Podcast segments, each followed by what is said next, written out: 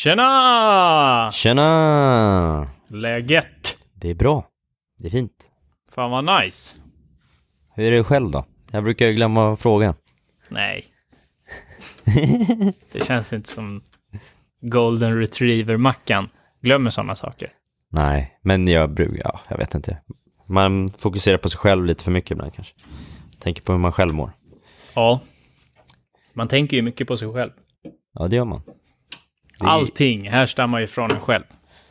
Ja, du har ju sagt det. Man Mm. är ju självisk in, inombords. Det är man ju. När jag har försökt att förklara det för folk så, så håller de inte riktigt med mig. Nej. Men eh, det är ju problemet med eh, nutiden. Är det så? Ja, det känns som att allting som är logiskt, som det finns en förklaring bakom, tar alla som ett personligt påhopp. Ja. Ja, ja precis. Det är ju så. Ja, För att man är för känslostyrd i, ja, vi kan kalla det för sekter. ja. Det spelar ingen roll, sekter kanske är fel, men eh, man är inskränkt i sin världsåskådning. Uff, fint sagt. Mm, tackar. Mm. Nej, men du fattar. Ja, jag fattar. Det kan vara kost, det kan vara svingteknik. Ja. Antingen så rullar du nävar eller så håller du blad. Mm. Antingen så äter du kött eller så äter du inte kött.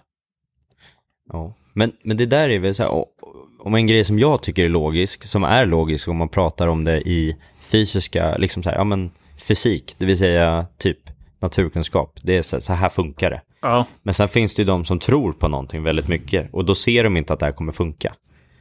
Typ religion, alltså på det sättet. men det är ju det som är problemet med logik. Ja, Det är att logik är ju ett faktum. ja, Det är ett plus ett är ju två, eller hur?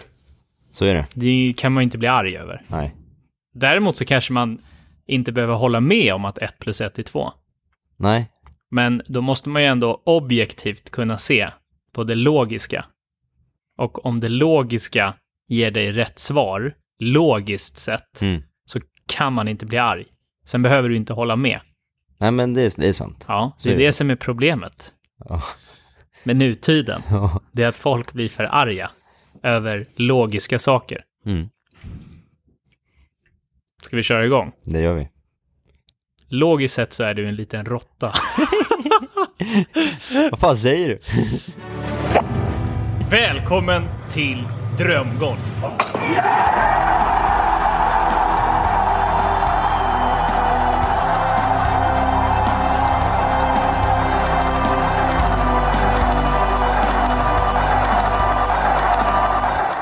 Välkommen till avsnitt 61 av Drömgolf. Ska vi fortsätta lite på motsatsen av logik? Mhm. Nämligen känslor. Mm. Känslor är ju en kraft Absolut. som vi har inombords. Men är man sina känslor? Ja, ja, det är en bra fråga. Ibland känner man ju mer än vad faktiskt händer liksom. Det kan jag Mm. tänka. När, när du säger det sådär. Av olika anledningar. Ja, absolut. Ja, men jag är hungrig, har sovit dåligt i två veckors tid. Ja. Så kommer ju mina känslor troligtvis bli förstärkta. Mm. Om jag dricker 12 bira så kommer ju troligtvis mina känslor bli förstärkta. Mm. Det vill säga att man tappar egentligen relationen till att man inte är sina känslor. Precis. Det är ju det här vad, det, det är det här meditation handlar om. Ja. Att man inte ska styras och hoppas med i alla sina, hoppa med i alla sina känslor. Mm. Så att man ser, det- man ser förbi sina känslor och ser vad faktiskt händer eller vad ditt medvetande är någonstans. Ja, exakt. Så tar du golftermer, vi säger att du och jag ska spela en golftävling. Mm. Och sen så går jag upp och sen så någonstans så tänker jag på allt det dåliga som kan hända på golftävlingen. Mm. Och sen accepterar jag att det kan hända. Mm. För det är ju logiskt Att att ett misstag kommer komma. Ja, Men hur man förhåller sig till misstaget, det är det som avgör. det är skillnaden. Det är skillnaden. Mm. Och där tror jag vi är väldigt dåliga på det. Alltså på det sättet. Vi är väldigt duktiga på att gå in i känslan väldigt mycket. Håller du med? Ja, ja, Alltså- i, i förhållande till golf, Mm. ja. Jag tror människor generellt, om man inte påminner sig själv varje dag. Mm. Att man inte ska svepas med i sina känslor. Ja. Så att om jag tänker på hål 1 på Saltsjöbaden, kan ju vara, Ja. ja den kanske folk relatera till, eller? Ja. Och spela Saltsjöbadskannan. Man slår ju från en matta, Mm. vilket är lite gipsigt. Eh, på alla inspelsvarv är det ju liksom, det är inte ett gip, alltså det är absolut inte gipsigt. Nej, nej. Men jag är lite mellan klubbor där. Ja, vad slår du där? Nej, men jag, jag, jag kan slå en spoon. Ja. Eh, kan jag göra. Men då måste jag slå en väldigt lugn spoon. Mm. Och eftersom det är första tee så kan man ju vara lite het. Och då kan du ju slå en väldigt, väldigt eh, lång spoon. Det blir ju lätt så. Mm. Alltså, man trycker till den lite till. Ja, och sen så kan du även slå typ en hybrid eller driving iron. Ja. Men då måste du, behö- du behöver hålla den lite vänster. Eller jag behöver hålla den lite vänster. Mm. Eller slå en, en lång hybrid eller en lång driving iron. Mm. eh, på en tight lina. För det är alltså en typ 90 grader dogleg höger för er som inte har spelat Saltsjöbaden. Mm. Skeko. Vad, slår, vad slår man typ? 200 meter rakt fram? Ja, men det är ju ett vatten till vänster också. Ja. Så att om du skulle slå en, eh, en jackdrå, vet du vad en jackdrå är? Nej. Nej, det är när du går upp tidigt på morgonen och det är kallt. Det här Saltsjöbadskannan spelar man i och för sig mitt i sommaren, så att eh, det finns ingen risk för en jackdrå. Men det kan hända på Ågesta ibland. Men du vet när man har tre lager kläder på sig, Ja. underställ, Ah. är fyra lager kläder. Ja. Och sen så hänger man på en jacka över Mm. och allting känns tight. Så du måste liksom typ eh, tackla ut bollen. Och det enda du gör är att slå en, en block vänster. Det är en jackdrå. Mm. Alltså det är jackan som orsakar den. För du har inga lösa jackor, du kör ju bara tajta kläder. Ja men exakt. Men jag tror oavsett om man har lösa kläder har man ju på sig under, alltså när det blir många lager så är man ju inte lika rörlig. Nej, och det är många som typ svingar bättre när de blir mindre rörliga. De som är lite överrörliga i baksvingen, svingar översvingar. De helt plötsligt svingar de ju typ rätt längd. Ja men Och så absolut. spelar de ju bättre golf. Jag är inte den personen dock, som är överrörlig. Nej, nej. Eh, Men, men jag är det lite mer så. Så när jag spelar med mycket kläder på mig så, är, så svingar jag nästan bättre och då blir det här jobbiga när det slutar regna. Har man spelat bra några hål men när det regnar så man har jackan på, ska man ta av sig regnjackan eller ska man ha den kvar?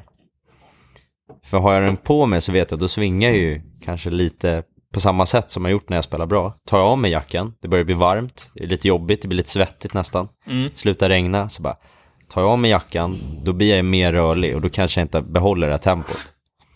Nej, men då är det ju liksom så här, kommer du eh, bli överhettad och det påverkar ditt spel negativt, då kanske du ska ta av dig jackan.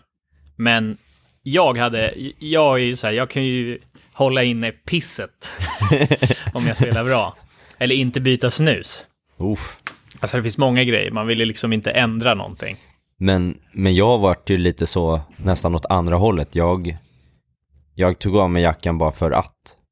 För att om jag går och tänker på att jag inte kan ta av mig jackan, då, då fastnar jag i sådana här superstitious, eh, superstition, heter det så? Mm. Ja men tics liksom. Ja. Som att jag måste spela med regnjacka på eller så här. Så Mm. bara, nej men bara för att. Då motbevisar man ju hjärnan hela tiden. Lite som det här med känslor och det logiska. Ja men det logiska är att jag tränar ju aldrig med jacka på. Egentligen. Alltså i stort sett aldrig. Så det logiska är ju att det borde inte spela så stor roll. Nej, det borde du inte. Utan det är ju en känsla som jag går emot. Ja, ska vi man- gå tillbaka lite till poängen innan du svävar iväg ja, nu? ja, ja, ja. Sorry alltså. Ja men du svävar ju också. Ja, ja, det här är vårt problem. Mm, mm. Men vi är alltså... Jag vet inte vart vi är just nu. Men nu vi går tillbaka till första tid på Saltsjöbadens golfklubb. Mm. Jag är mellan klubbor. Och det... Tar du den kortare klubban så behöver du lägga ut lite mer vänster för att inte ligga mask. Men där är det också ett vatten. Mm. Så att du kan ju slå en liten pulldrå i vattnet. Okej? Mm. Om man då mediterar och accepterar tanken att ett slag som är kort rakt ut, som blir lite pushat, kan ligga mask. Mm. Om man då accepterar tanken att det värsta som kan hända, är att jag behöver bara slå fram mig lite. Mm. Eller slå den lågt så att jag har en chip in på green. eller liknande. Ja. Att man accepterar det innan det faktiskt har hänt och inte är rädd för det. Mm. Så att man mediterar i det. Mm. Så kommer det ju inte bli lika läskigt. Då kommer ju vattenbesöket kanske inte vara i spel. Nej. Eller den stora pushen med sponen som går rakt in i Saltsjöbadsskogen. Ja. Eh, så att jag tror att man måste liksom egentligen sansa sig själv och inse att en fairway-träff, chip, wedge in eller chip in, två putt bogey kanske inte är det värsta sättet att starta en tävling på. Nej, precis. Och så accepterar man det.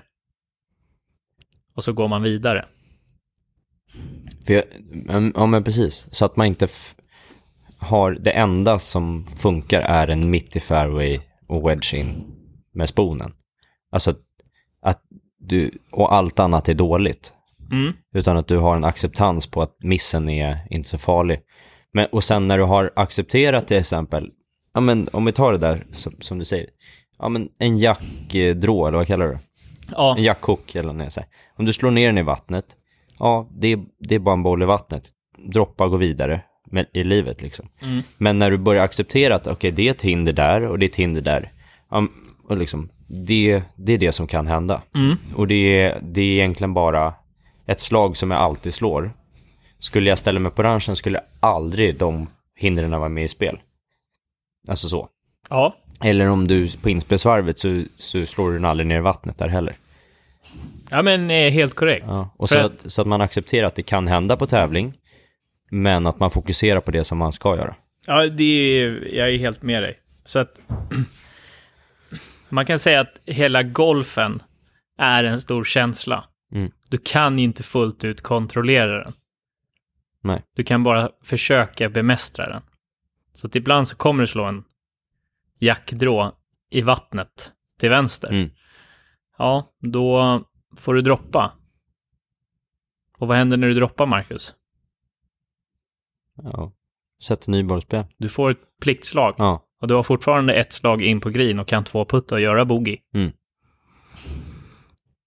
Men om du sveps med i dina känslor så kan du missa green, chippa och treputta. Ja.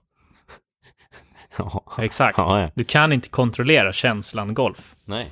Du kan bara försöka... Jo, du kan kontrollera känslan kring känslan golf. Ja. Men du kan inte kontrollera golf. men det, men det, det tror jag är, de bästa golfarna är sjukt bra på. Man ser dem, de släpper ut den i skogen, man ser hur irriterade de är. Men i kanske ja, 20 sekunder.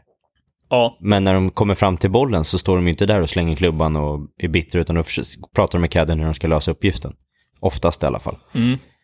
Eh, Man, man har ju sett när de eh, på Augusta när de slår ner den i vattnet och är sjukt irriterade för att de gör samma miss som man aldrig ska göra på det här hålet liksom. Mm. Och så droppar de och så slår de ner den i vattnet igen. Men man ser ändå hur de, det är ju skitjobbig situation men de har ju på något sätt själv hade man ju bara försökt att gå under jorden där på något sätt. För att man, det enda man tänker på är alla problem. Men det, det är det en sån här grej som jag tror är stor skillnad på när jag tävlade som mest.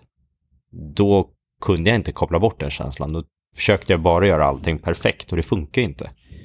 Man är inte perfekt. Mm. Utan man är, man är inte tillräckligt bra, bra för vara det. Så man måste acceptera missarna. Nej, för där sa du ju någonting som är intressant. Eh, att man inte är tillräckligt bra. Mm. Jag tror att människan i regel har alldeles för stort ego för att kunna acceptera att man inte är tillräckligt bra. Mm.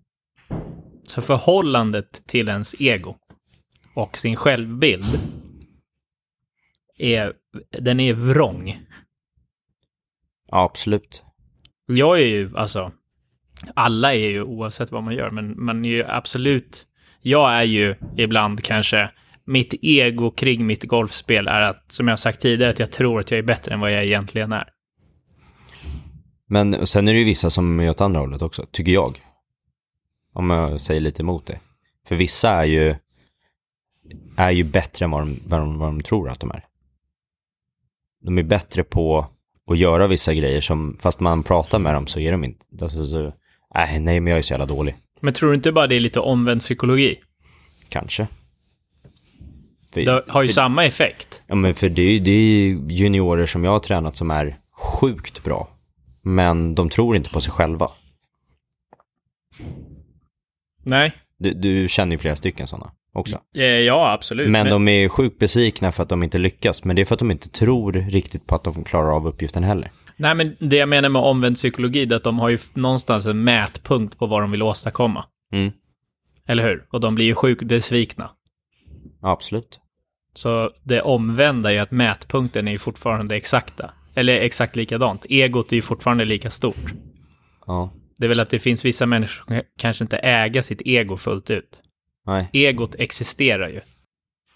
Nej, Först- förstår du vad jag menar? Ja, men precis. Man letar ju, man letar ju en ursäkt för att det ska göra, vara snäll mot sitt eget ego. Så att man inte pucklar på det för mycket. Ja, Så det tror jag är så här. Så att misslyckas man så säger man, ja men det är för att jag är så jävla dålig. Och så säger man så. Men, men egentligen så kanske man inte gav allt för att man accepterar typ att man missar lite för att då kan man skylla undan lite på. Så kan det kännas, så är lite känslan ibland på vissa. ja. Ehm, och så kommer de med ursäkter på varför hela tiden. Mm. Ehm, och det, det är väl den ursäkten, när man börjar hitta ursäkter för att försvara sig. Och, och det, den enda ursäkten är väl att men jag har inte tränat. Alltså, så här, nej men jag behöver jobba hårdare på de här bitarna. Då vänder du till vad du ska göra med ursäkten istället för att du ska pusha på den. Alltså, Ja, jo men eh, absolut. Jag, jag, förhoppningsvis hänger ni med. Det här kommer bli ett riktigt förstår vad jag menar avsnitt. men eh, vi säger att man har tränat massor. Och sen så går det ändå inte. Ja men det, du, du kan du träna tillräckligt mycket. Eh, ja, alltså det är ju frågan. Jag tror inte det. För att det är ju skillnad på två timmar träning och två timmar träning. Absolut. Och det är det jag menar, då kanske man behöver se över sina två timmar träning. Hur målfokuserad, hur fokuserad är man? Hur, liksom, Där, där sa du nog något sjukt viktigt mm, men hur, eh, alltså, går man och gör sin grej och sen går man därifrån när man har gjort sin grej? Mm. Eller står man och hänger och ch- chillar Ja. och Ja, men- gillar det goda runt omkring? Ja men det är, bara för att du står i simulatorn i två timmar betyder inte att du har tränat golf i två timmar. Nej, Det är där skillnaden är, om vi tar nu som är inomhus. Och där är ju många, men där ser man ju skillnaden på vissa som är väldigt bra mm, på att träna golf. Och alla som åker hit och har kul liksom. ja, Ehm, varje boll är ju viktig egentligen. Men orkar man hålla fokus? Nej, troligtvis inte i två timmar. Absolut inte. Men du, du, man ser ju de som är bättre på det och vissa som är sämre på det. Det är väldigt lätt att man slår ett slag och så ska man, ja, kolla det där slaget. Typ. Och man vill söka bekräftelse och så vidare. Men man är ju inne i sig själv. Det är därför du står och tränar. mm. Ehm, sen måste man ha kul också på det sättet. Ja, ja, ja. Alltså man ska ju... Eller enligt oss Ja. så måste man ha kul. Ja. Men eh, jag tror det är viktigt att man måste få, få de minuterna i alla fall på de två timmarna som är så fokuserade. Och sen är det, du kanske behöver en halvtimme av två timmar som är sjukt fokuserade eh, för att du ska få ut ett, någonting av ett träningspass överhuvudtaget, Mm. om vi säger så. Vissa kanske behöver en timme. Men jag tror att alla behöver bli lite bättre på att faktiskt fundera på vad som händer. Och det är någonting jag säger till varje elev jag har. Det är att slå inte bara bollar utan tänk vad du faktiskt gör. Det träningen är inte boll, själva slaget, utan det är vad du gör emellan slagen. Vad gjorde jag för någonting? Var det slaget bra? Eller vad gjorde jag för någonting som jag borde kunna göra bättre? När du börjar tänka mer, då kan du faktiskt göra en förändring.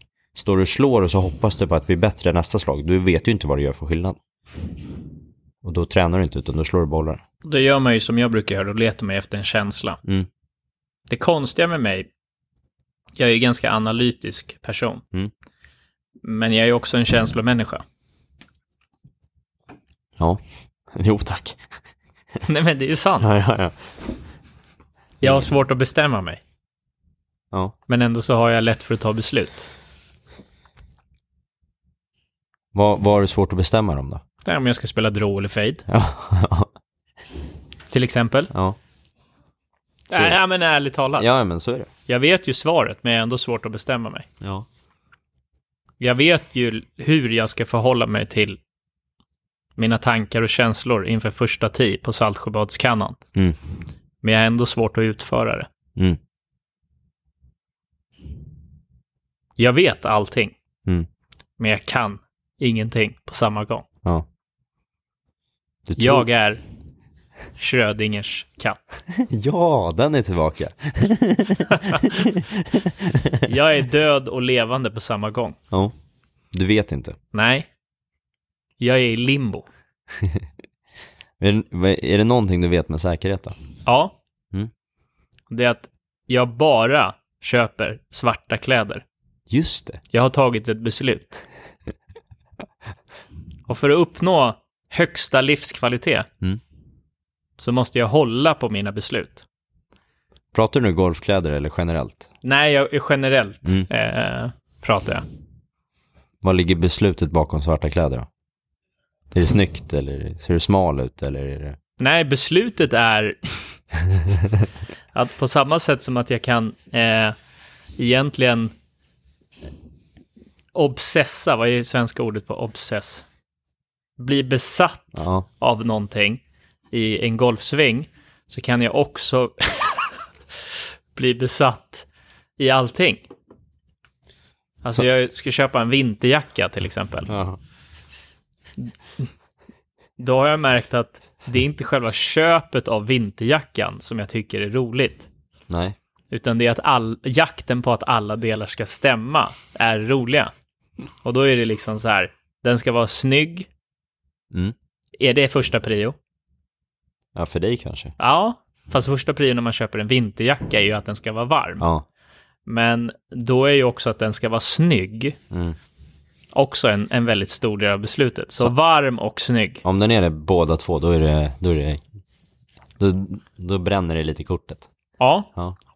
och om man då skulle hitta den perfekta jackan så hade jag ju köpt den. Mm. Och troligtvis så kommer ju mitt ego med i spel här också. Så att en jacka som kostar 2000 kronor kommer inte vara lika snygg som en jacka som kostar 20 000 kronor. För mitt sätt som jag förhåller mig till jackan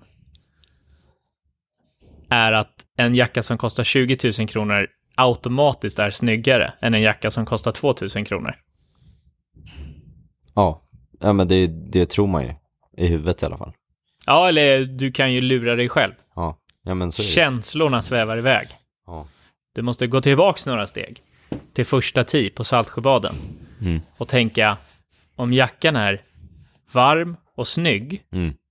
och kostar turligt nog 2000 kronor, vilket är en billig vinterjacka, Mm. så har du ju hittat det. Men då kommer egot med i spel. Mm. Förstår du? Det sitter inte rätt märke på axeln, eller? Nej, det behöver inte vara något märke överhuvudtaget. Det är skitsamma egentligen. Ja, och då har jag märkt att det jag gillar, det är att vara här i limbo. Ständigt sökande efter någonting som kommer få en att må dåligt i grunden. Ja. För, för, Förstår du nu? jag, jag, jag, jag, jag förstår vad du menar. Med din besatthet märker jag nu att det är fan i allt alltså. Du söker ju en, eh, ett svar på, på hur du ska lösa någonting hela tiden. Eh, med 24 timmars fastan, med eh, svingtankar, med eh, träning, fysträning, med kläder. Mm. Allting är ju en besatthet på att det ska bli ett all in hela tiden. Ja, Så du börjar köpa några svarta kläder så du, fan nu köper jag allt svart. Eller hur? ja, Om du börjar spela fade, fan nu ska jag bara spela fade. ja, Ja. Och då ser drån äcklig ut liksom. Då ser den här 2000 kronors jackan inte lika vacker ut som du hittar en 20 000 kronors jacka som är lite snyggare. Eller behöver inte ens vara snyggare, men den, du vet om det. Det är det här, det andra, lite gulliga bortom. ja. Eh, men eh, då blir det ju också, köper man en 20 000 kronors jacka så börjar man ju ifrågasätta sitt egna beslut. Ja, Antingen kan det ju vara så här, ja men det kanske inte var läge nu att köpa en 20 000 kronors jacka. Ekonomiskt sett. Nej, precis. Det kan ju få en att må dåligt. Ja, absolut. I efterhand. Men, om pengarna inte spelar någon roll så kommer jag ju också tänka att jag har inte tillräckligt bra kontroll på mitt ego så att jag måste boosta det vid att köpa en, en jacka som kostar 20 000 kronor. Ja, Som inte är snyggare eller varmare än jackan för 2 000 kronor. mm. ja men det, det är lite det, jag, om jag kopplar till, eh, ja men jag känner ju lite som eh, golfklubbor och sånt här också. Mm. Det är, dra, är, är putten för 5 500 så mycket bättre än putten för 3 000 spänn? Om, om den putten för 3 eller 2 000 spänn eller 3 000 spänn ser bra ut och får bollen att rulla bra på green i den riktningen du ska, Mm. då är den putten mycket bättre än den som är, kostar 5 500 som kanske inte uppnår exakt samma. Eller uppnår samma grej, men det, du säger, ja men de där 2000 spännen är ju bara för att det ska vara special. Ja, men eh, 100 procent. Mm. Vi kan ju ta ett puttemärke som, eh, vad heter det? Det är mycket känslor bakom. Mm. Och det är ju, Scott Cameron kanske? exakt. Eh, m- man vill ju, många vill ju ha en Scottie Cameron-putter. Det är sjukt, jag tror att det är den som säljs mest i USA. Ja, Och det är, det är dyrt alltså. det är, alltså det är jävligt dyrt. För en Eh, och Alltså, nu säger vi att det inte kostar mycket, utan det är dyrt. ja. För att de har ju puttrar som kostar 8000 kronor. ja, ja. Som blir slutsålda och säljs i andra hand för 16 000 kronor. Ja. Och då är inte ens det det dyraste märket. Det finns ju folk som har puttrar för 15-20 tusen. Exakt. Och vad är det då som gör att de här puttrarna kostar så mycket? Ja, bra fråga. Det är ett märke bakom framför allt. Det är känslorna bakom. Mm. Det är lite som att stå i kö till en exklusiv nattklubb. Ja, Kön existerar ju där bara Ja. för att folk ska vilja gå in. precis. Så kön är det viktiga, inte själva upplevelsen inne på nattklubben. Nej, precis. Mm, Det är rätt. exakt, för jag tror inte du blir en speciellt mycket bättre puttare om du har en Scottie Cameron-putter för 8000 kronor.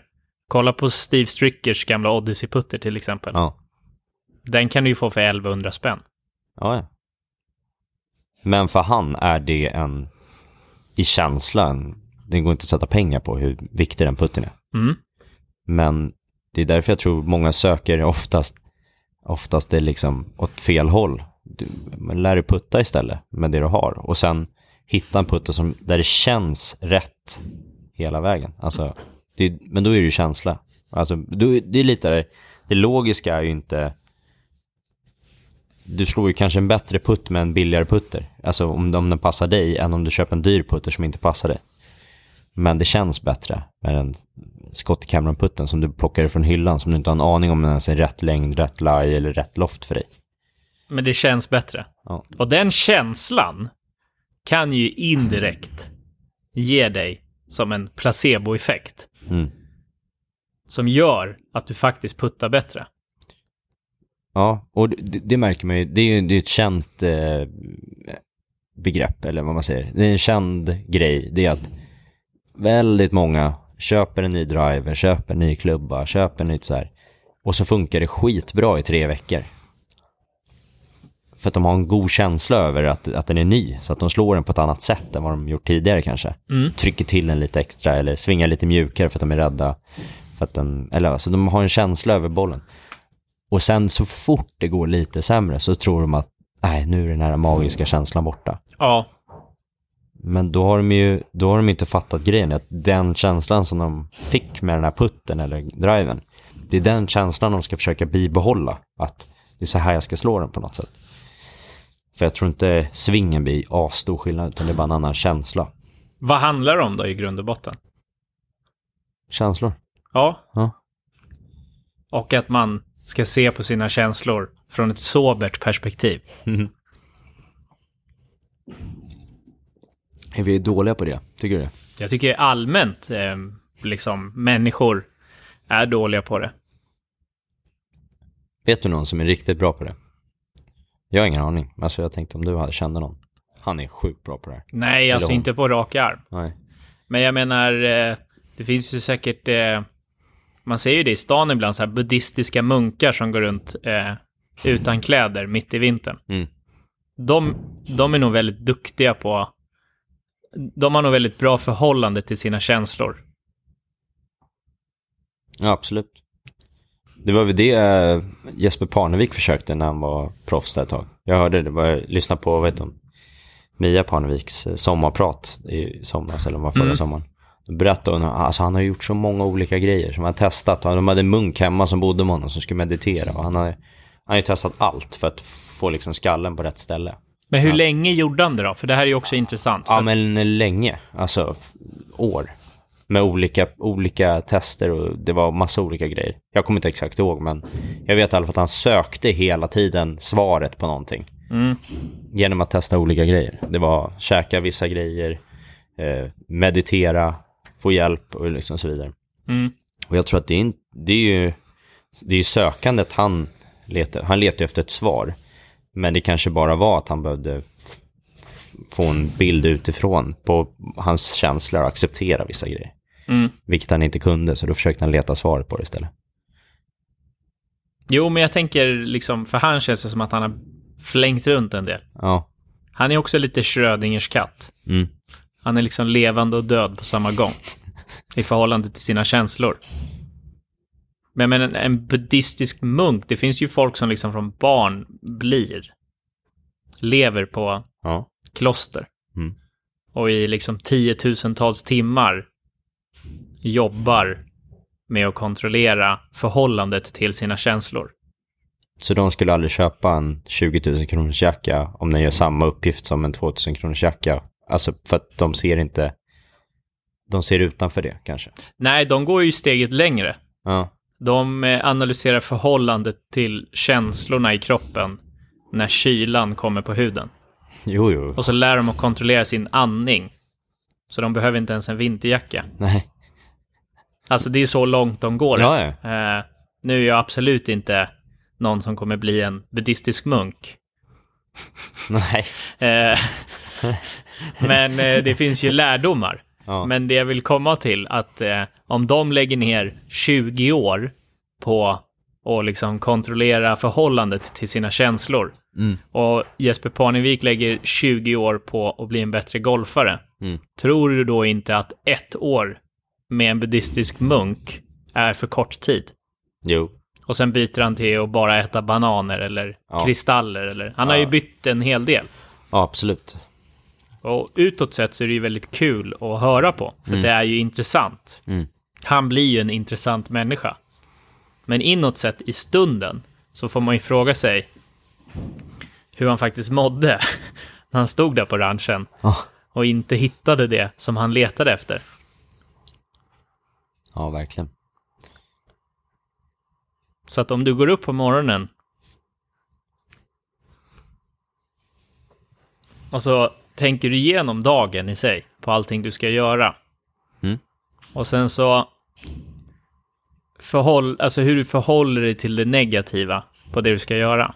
Det kan vara jobb, det kan vara, det kan vara allting. Mm. Du ska ha en speciell kosthållning. Mm. Och sen så försöker du ha bra känslor. alltså, Marcus. Vi drar till, till, eh, till Nepal och blir buddhistiska munkar nu. Jag känner jag är inne på spåret. Ja, jag, Jag kan ju liksom inte riktigt förklara vad jag känner. nej. Vi behöver nog bo med en munk i fem sex år. Jag behöver nog liksom inte ens förklara vad jag känner. Men det är väl det, det, det är väl det som folk, det är väl därför Tiger blev så bra som han blev. Var det inte det? För att hans mamma var ju, inte munk, men hon var ju buddhist, eh, vad var hon? Nej, hon, ja, det här är ju någonting vi har också tagit från Tiger-dokumentären. En sportjournalist har sagt att kombinationen mellan en, vad heter det, Marine Soldier och någon, eh, vad heter det, en buddhist. Ja, Den kombinationen är, den är otrolig. ja, Med att han får det meditativa, mentala, samtidigt som han får det hårda drillandet liksom, för att han ska göra någonting. ja. För Och då blir det ju hur Ja. vi förhåller oss till våra känslor kring den sportjournalisten. Ja. Utan som, någon som helst kritik till källan. Ja. Och så sitter vi och pratar om det här. Men, men, jag, men jag tycker ändå det han säger låter rimligt på något sätt. Alltså just den här, ja, bara för att man är buddhist kanske man inte är supermentalt stark heller för det. Men jag, det var väl det som vi tolkar det som, eller han tolkar det som. Men vem är vi att säga det i en podd som andra lyssnar på? Som bygger sina egna känslor kring vad vi säger? Vi, det, det är bara, så är det, folk ska lyssna. Är det inte så? Ja, för att Ja, jag vet inte. folk är dåliga på att kontrollera sina känslor Ja. kring vad som sägs. Så de ska lyssna på oss bara. För vi har koll. Nej. Man ska utåt sett se på sina känslor kring på vad vi säger Mm. och sen bestämma sig eh, vad man tycker själv Ja. och sen ta sitt beslut. Mm. För då blir 1 plus 1 2. Mm. Sen vad du känner kring 1 plus 1 är lika med 2. Det är upp till dig att bestämma. Mm. Var inte så jävla känsliga där ute. Nej. Ta inte er själva på för stort allvar. Viktigt, viktigt. Fan, vilket eh, filosofiskt avsnitt det här varit, kändes nu.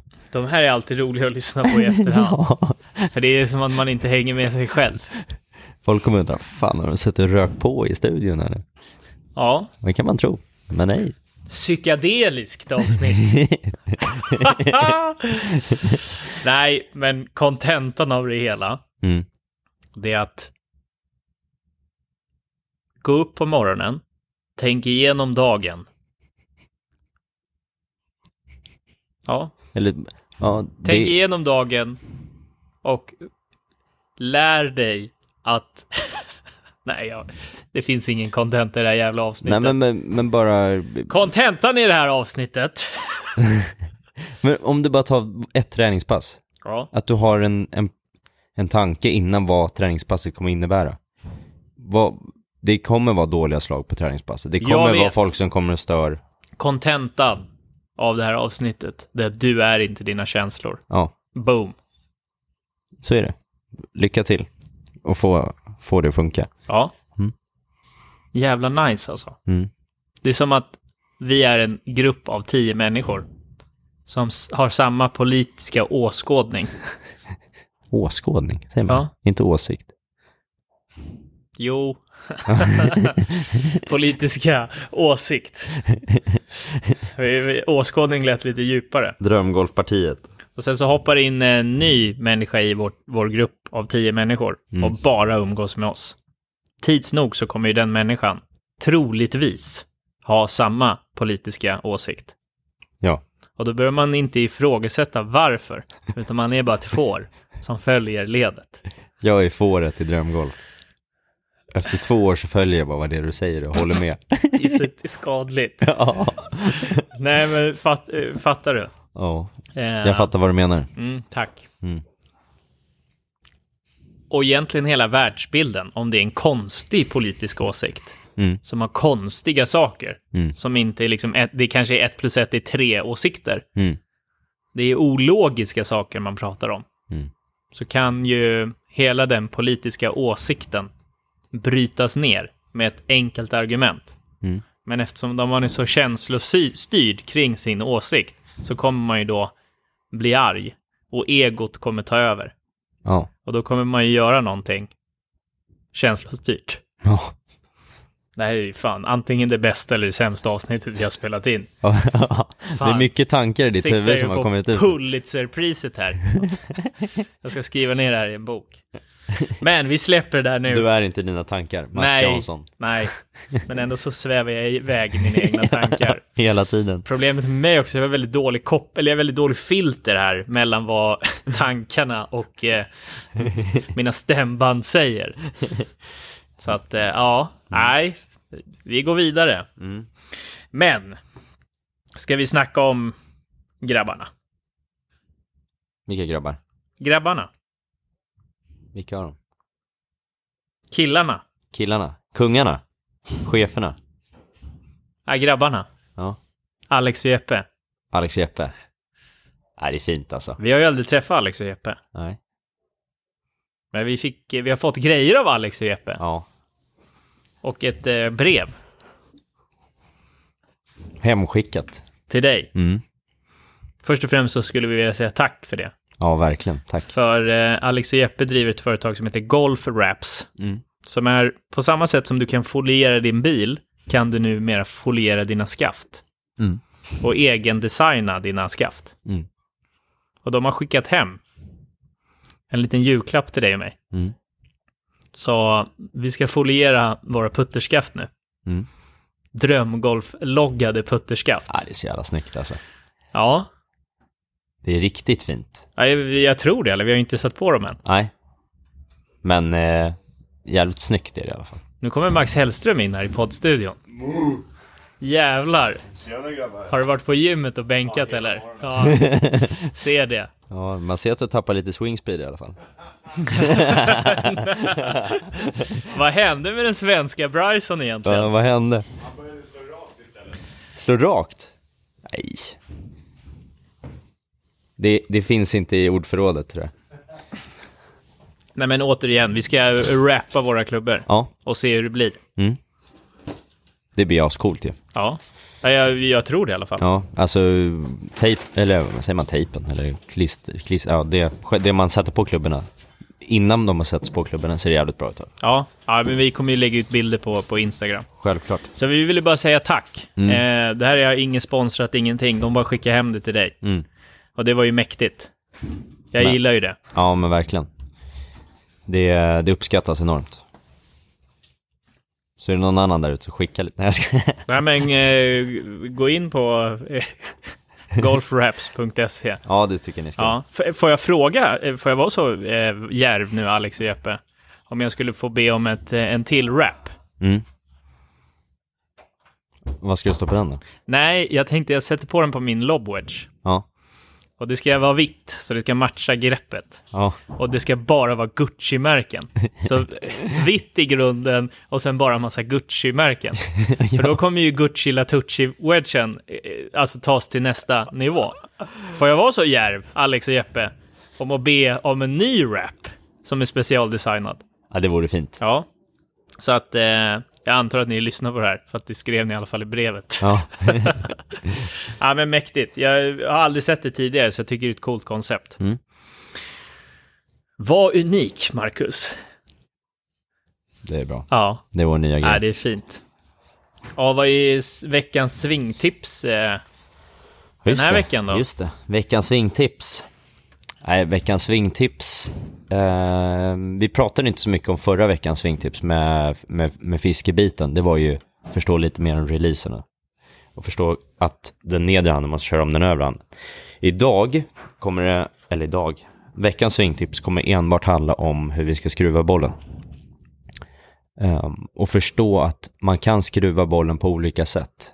Det ena är genom att man ändrar uppställningen, det vill säga att du riktar bladet mot dit du ska och sen så riktar du kroppen antingen öppet eller stängt eller höger eller vänster som en högerspelare ehm, om målet och sen så svingar du längs med kroppen och kommer att skruva den.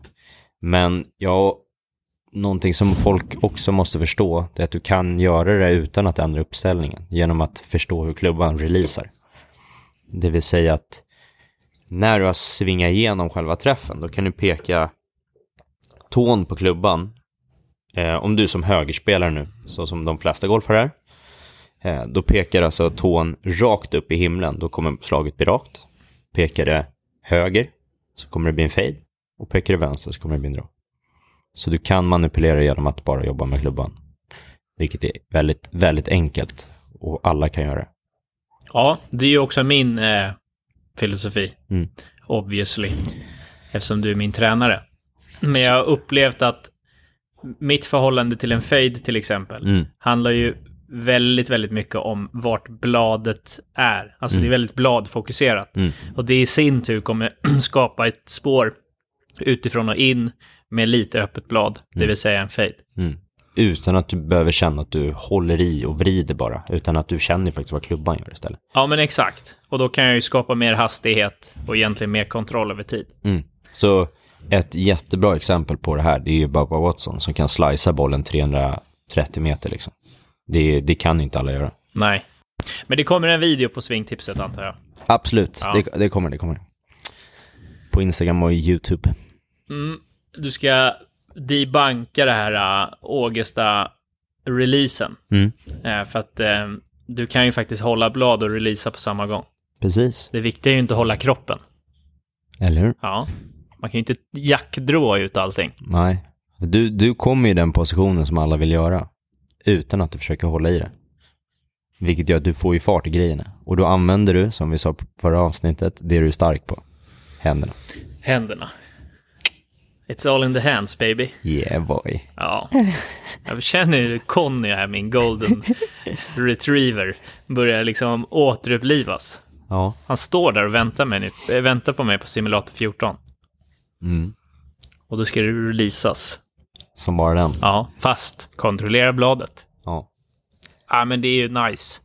Sen har vi ju snackat lite om eh, prylar i Ja. tidigare avsnitt. Ja. Eller vi har ju sagt att vi har slagit nya prylar från Cobra. Ja, just det. Och nu har det ju kommit ut bilder på Aerojet som den nya driven heter. Och vi Sjukt bra. kan ju ta upp det igen. Vi har ju slagit den lite mer efter. Mm. Eh, och jag älskar ju LTD X-driven. Jag tycker den är fantastisk. Mm. Och risken för alla klubbvarumärken som släpper en succé, för att det är ju ändå en succé, det får man ju ändå säga. Det är ju många som gillar LTDX. Mm. Eh, det är ju att man gör om någonting så att den breda massan inte uppskattar den lika mycket. Och det är ju, då vill man ju gärna ha kvar det gamla, Precis. eller hur? Ja, absolut. Men det jag upplever med Aerojet, det är att det som har förbättrats är känslan i träffen. Mm. Och det är ju någonting som jag tycker är väldigt viktigt. Det här är ju bara min egna uppfattning. Vi ska ju ta med Linus också så att han får prata mer om spexen på vad faktiskt det som har hänt. Mm. Eh, men känslan i träffen känns, ja, det känns jävligt bra. Ja. Den känns inte lika död på något sätt. Nej. Nej, om, om man jämför Radspeeden som var innan och så kom LTDX, Mm. var stor skillnad, kändes mycket mer het, alltså kändes lite mjukare känsla i träffen på LTDX än vad det gjorde på Radspeeden. Ja, Så det här nästa nivå.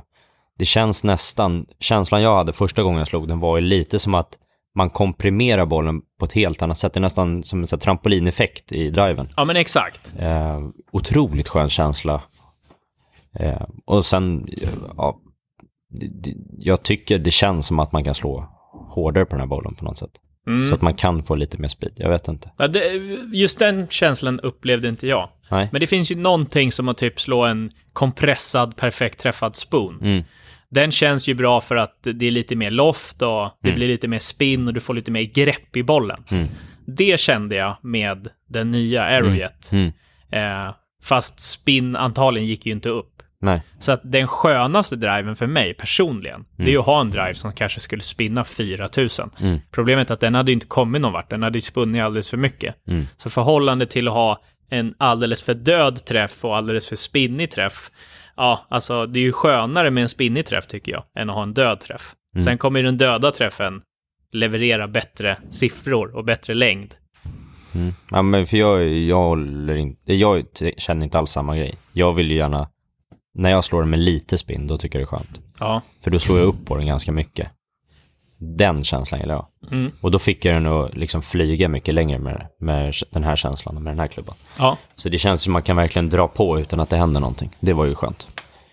Positivt. ja. Men det ska bli kul. Vi ska ju testa ut varsin sån. Ja, men det ska vi göra. Eh, Vi har ju slagit den en del och hittills har ju bara varit positiva miner Mm. och tankar och känslor. Ja, det Ja, blir men skitbra. fint. Så Men- jag ska se fram emot att testa det lite mer. Ja, det blir, det blir mäktigt. Ja. Det blir riktigt mäktigt. Men eh, jag tänker så här. Jag eh, har inget mer att säga. Oj. Då har du pratat tillräckligt idag. Jag känner att jag inte har något mer att säga. Nej. det låter bra. Ja, Ja. vi hörs nästa vecka igen. Tja då!